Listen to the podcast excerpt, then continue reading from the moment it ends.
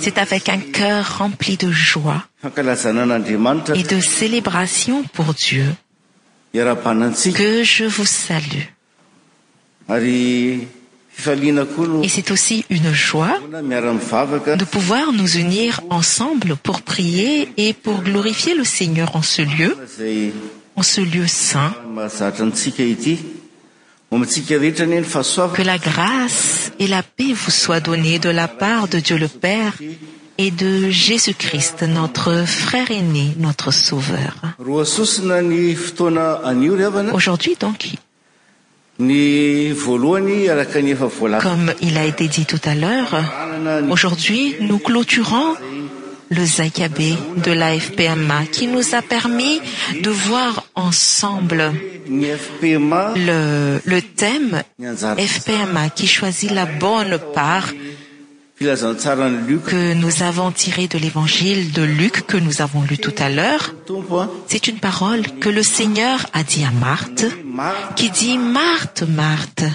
maretu t'inquiètes et t'agites pour beaucoup de choses marie a choisi la bonne ah. part la questionc'est à partir de la sept parole du seigneur que nous allons nous poser la question quelle est donc la bonne part que lafpma doit choisir la bonne part que fva choiir pour grandir dans la connaissance du sneur auouui égalemet chrs amis nous clrantla fêt de la fomatio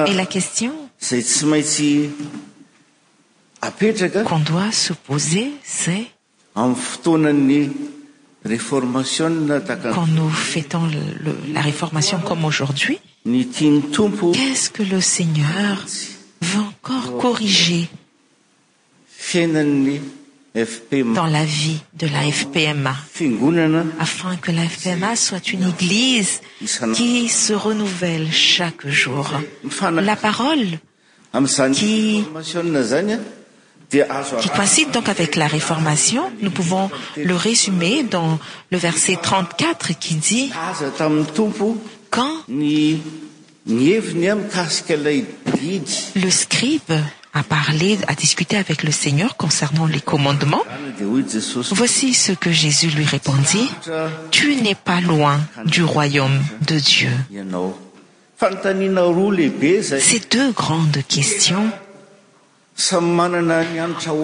ont chacun leur importance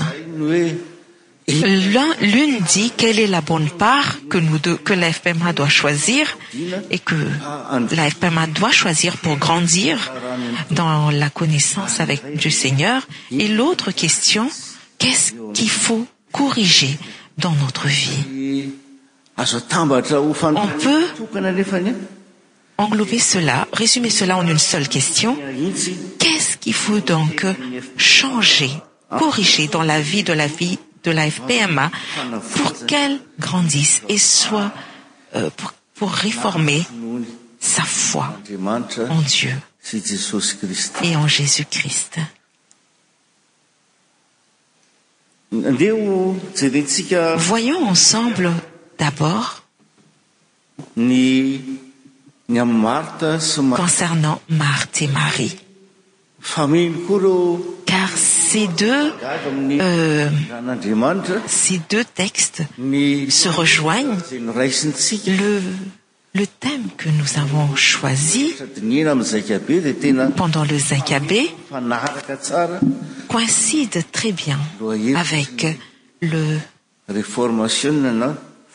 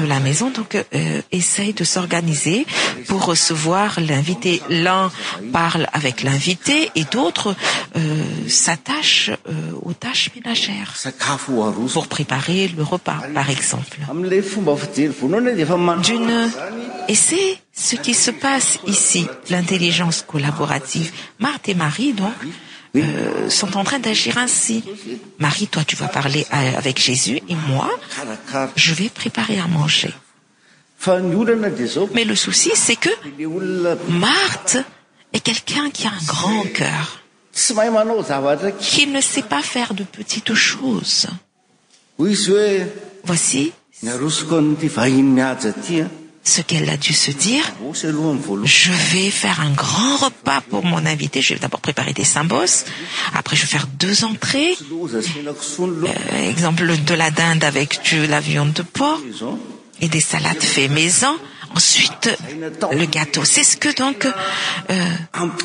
ces avec un gra cœur qu'elle voulait accueillir le seigneur et également avec joie cependant marth se rend compte u'elle ne peutq plus tout faire qu'elle est dépassée par tout ce qu'elle a préparé alors que fait-elle elle s'adresse à jésus euh, elle n'appelle pas marie directement disant laisse l'inviter vient avec moi mais elle s'adresse au seigneur marthe dit donc à jésus je voudrais que marie vienne m'aider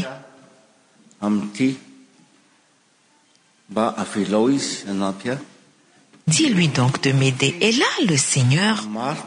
s'adresse à marthe en disant tu t'inquiètes et tu t'agites pour beaucoup de choses ne t'embête pas touta à préparer beaucoup de choses jésus ne lui en veut pas pour tout ce qu'elle a fait tout ce qu'elle a préparé le seigneur l'accepte vraiment voilà pourquoi il vient là fin de se reposer effectivementcar il a beaucoup œuvré en prêchant la bonne nouvelle c'est pourquoi il avait besoin de se reposer et il est allé dans la maisonnie de marthe et marie pour se reposer et pour également manger marte donc a essayé de préparer beaucoup de choses alors que jésus nattendait jsus semble dire ici j'ai besoin de peu de choses mais assied-toi et écoute la parole de dieu assied-toi viens prier parce que tu t'inquiètes et tu t'agites pour beaucoup de chosesmais marie elle a choisi la bonne part il n'y a point de reproche dans ces paroles le seigneur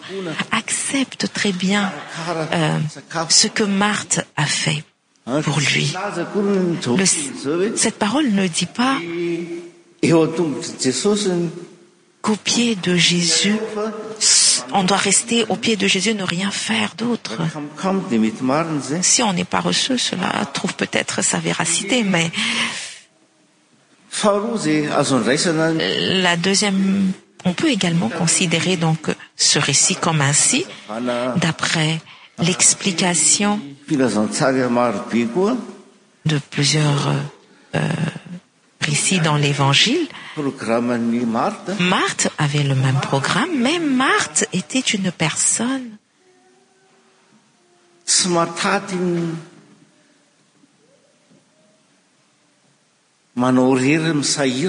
qui ne supportait pas faire les choses toutes seules elle était fatiguée elle commençait donc àà être agacée par le fait que sa sœur reste assise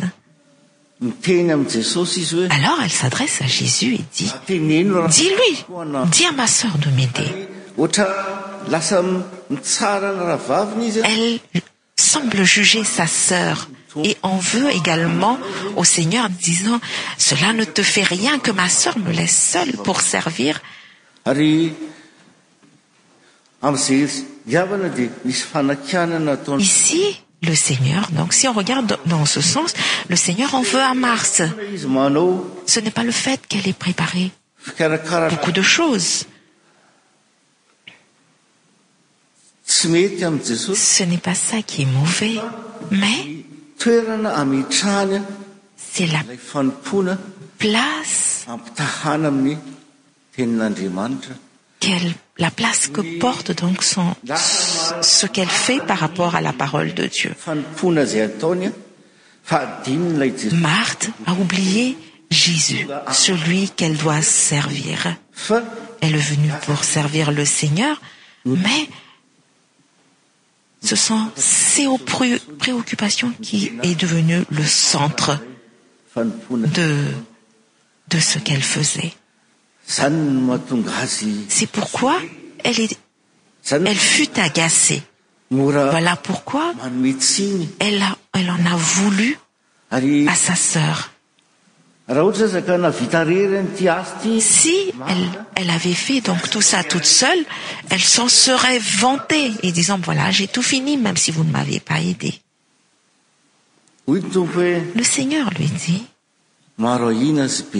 t'inquiètes et tu t'agites pour beaucoup de choses mais marie a choisi la bonne part la bonne ac'est celui de s'assoir au pied du seigneur on a besoin des deux choses servir et s'assoir èau pied de jésus-christ pour écouter sa parole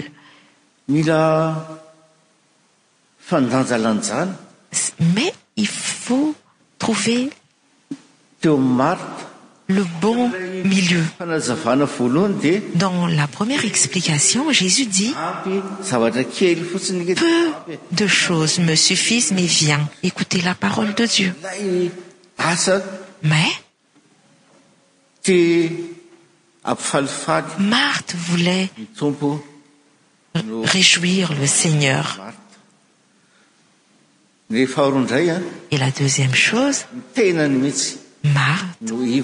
était donc le centre de ces préoccupations ce qu'elle faisait c'est pour se glorifier comme une femme qui sait bien recevoir un invité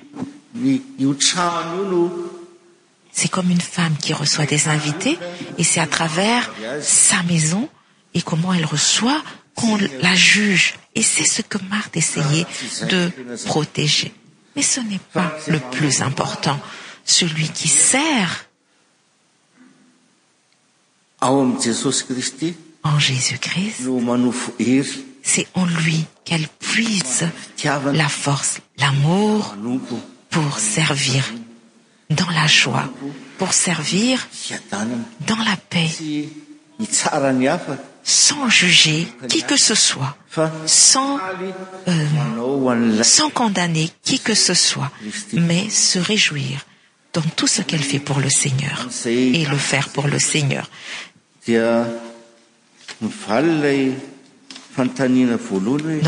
nous avons répondu à la prmièe qustio q'es-ce quelfma doit coisi fm doit donc choisir la bonne part pour grandir dans le sgeur la bonne part c'est celui de savoir s'assoir au pied de jsu-christ pour l'écouter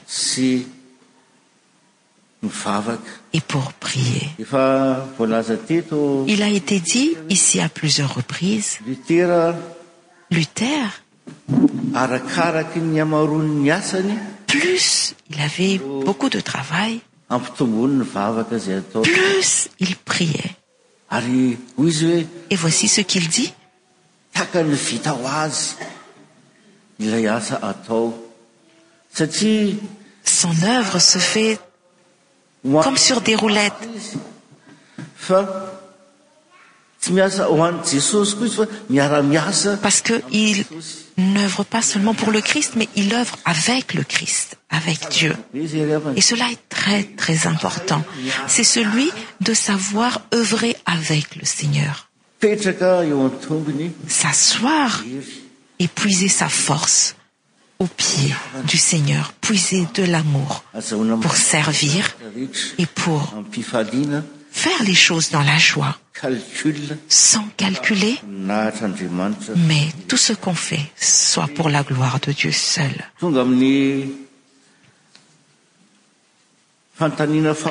arrivons à la deuxième question qelle est donc qu'es ce qu'il faut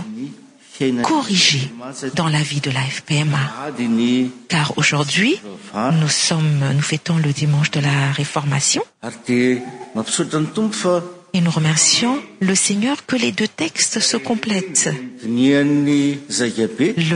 thème que nous avons abordé pour le zakabée mais également le péricope d'aujourd'hui car voici ce que dit le seigneur tu n'es pas loin du royaume de dieu jésus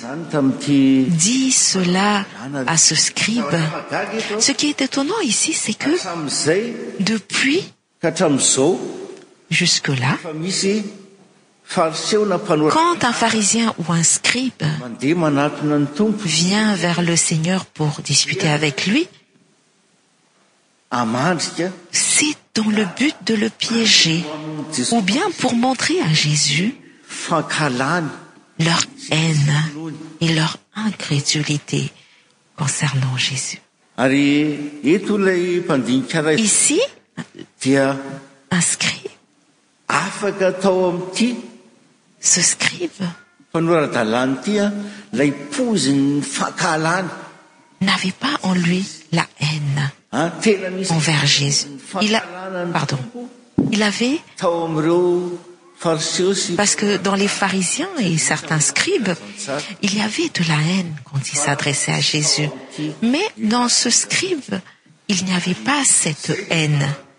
et c'était déjà quelque chose ui peut réjouir car quand il demanda à jésus et lui dit quel est le premier de tous les commandements si on explique bien la question de ce scribquel est donc le résumé de tous les commandements equel est donc le premier e? le seigneur lui répond e dit aime ton dieu de tout ton cœur de toute ta pensée de toute ton âme et de toute ta forcec'est-à-dire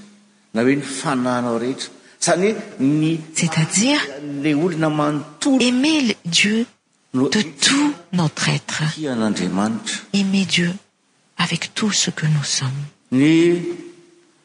tout ce qu'on aitensuite jsus dit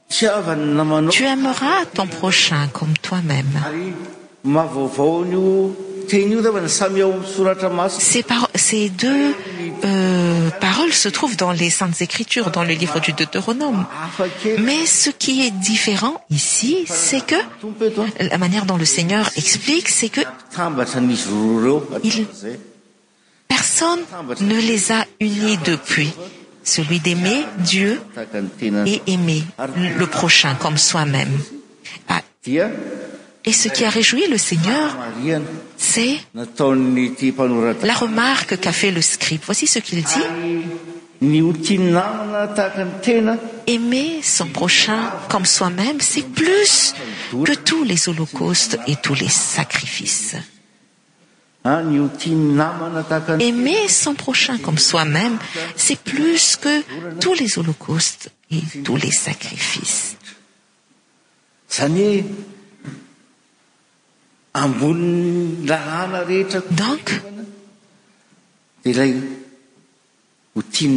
aime son prochain est aussi au-dessus de toute oi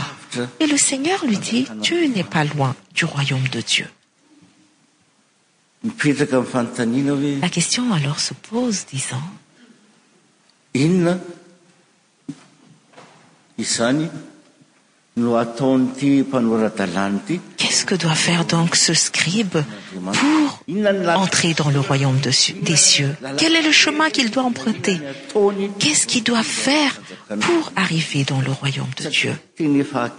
car il n'est pas loin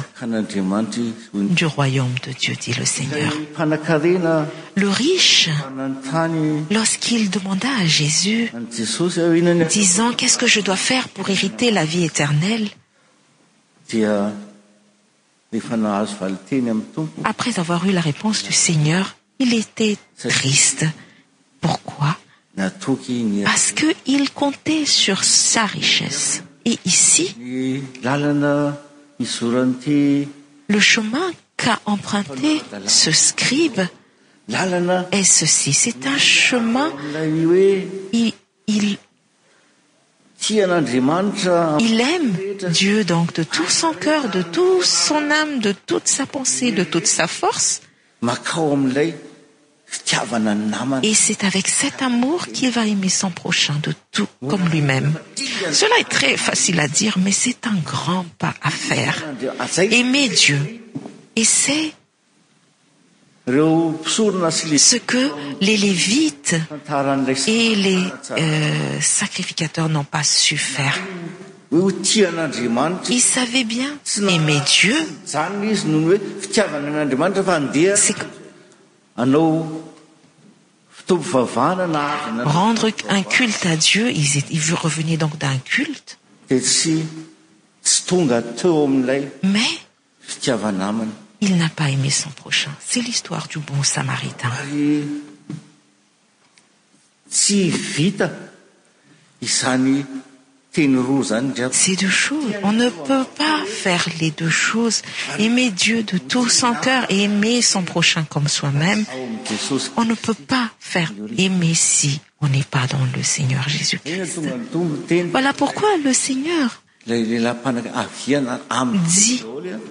à l'homme riche vend tout et vient siso que le seigneur soit règne dans son cœur et que nous puissions reposer notre cœur notre âme et tout ce que nous sommes entre les mains du seigneur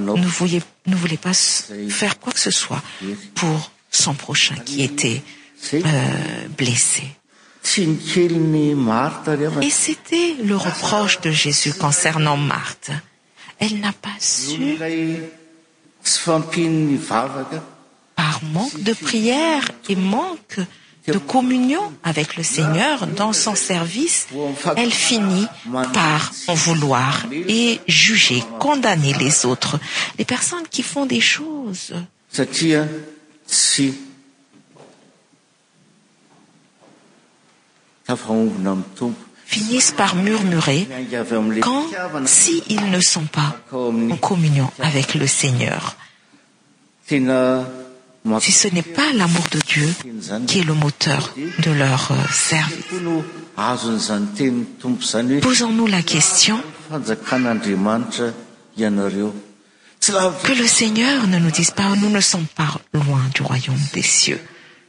nous nesommes pas loin du oyaum des cieux parce que nous conaissons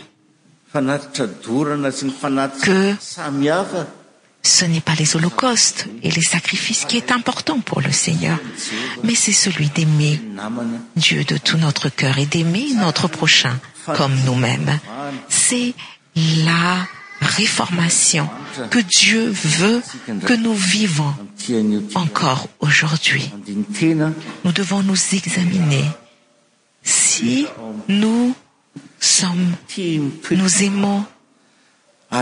être en communion avec le seigneur et si nous œuvrons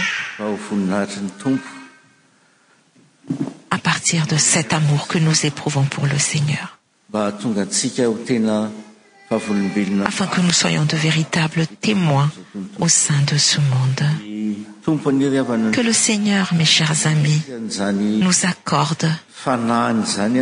son esprit fin que nous sachns v uv en uisant mais tout en puisant l'amor en dieu et que nous puissions servir de tout notre cœur de tout notre âme de tout notre esprit et aimer notre prochain comme nous-mêmes à lui seul soit la gloire nous nous levons recevez la bénédiction que la grâce de jésus-christ l'amour de dieu le père et la véritable foique la véritable foi et l'amour qui viennet de l'esprit saint soit sur nous amen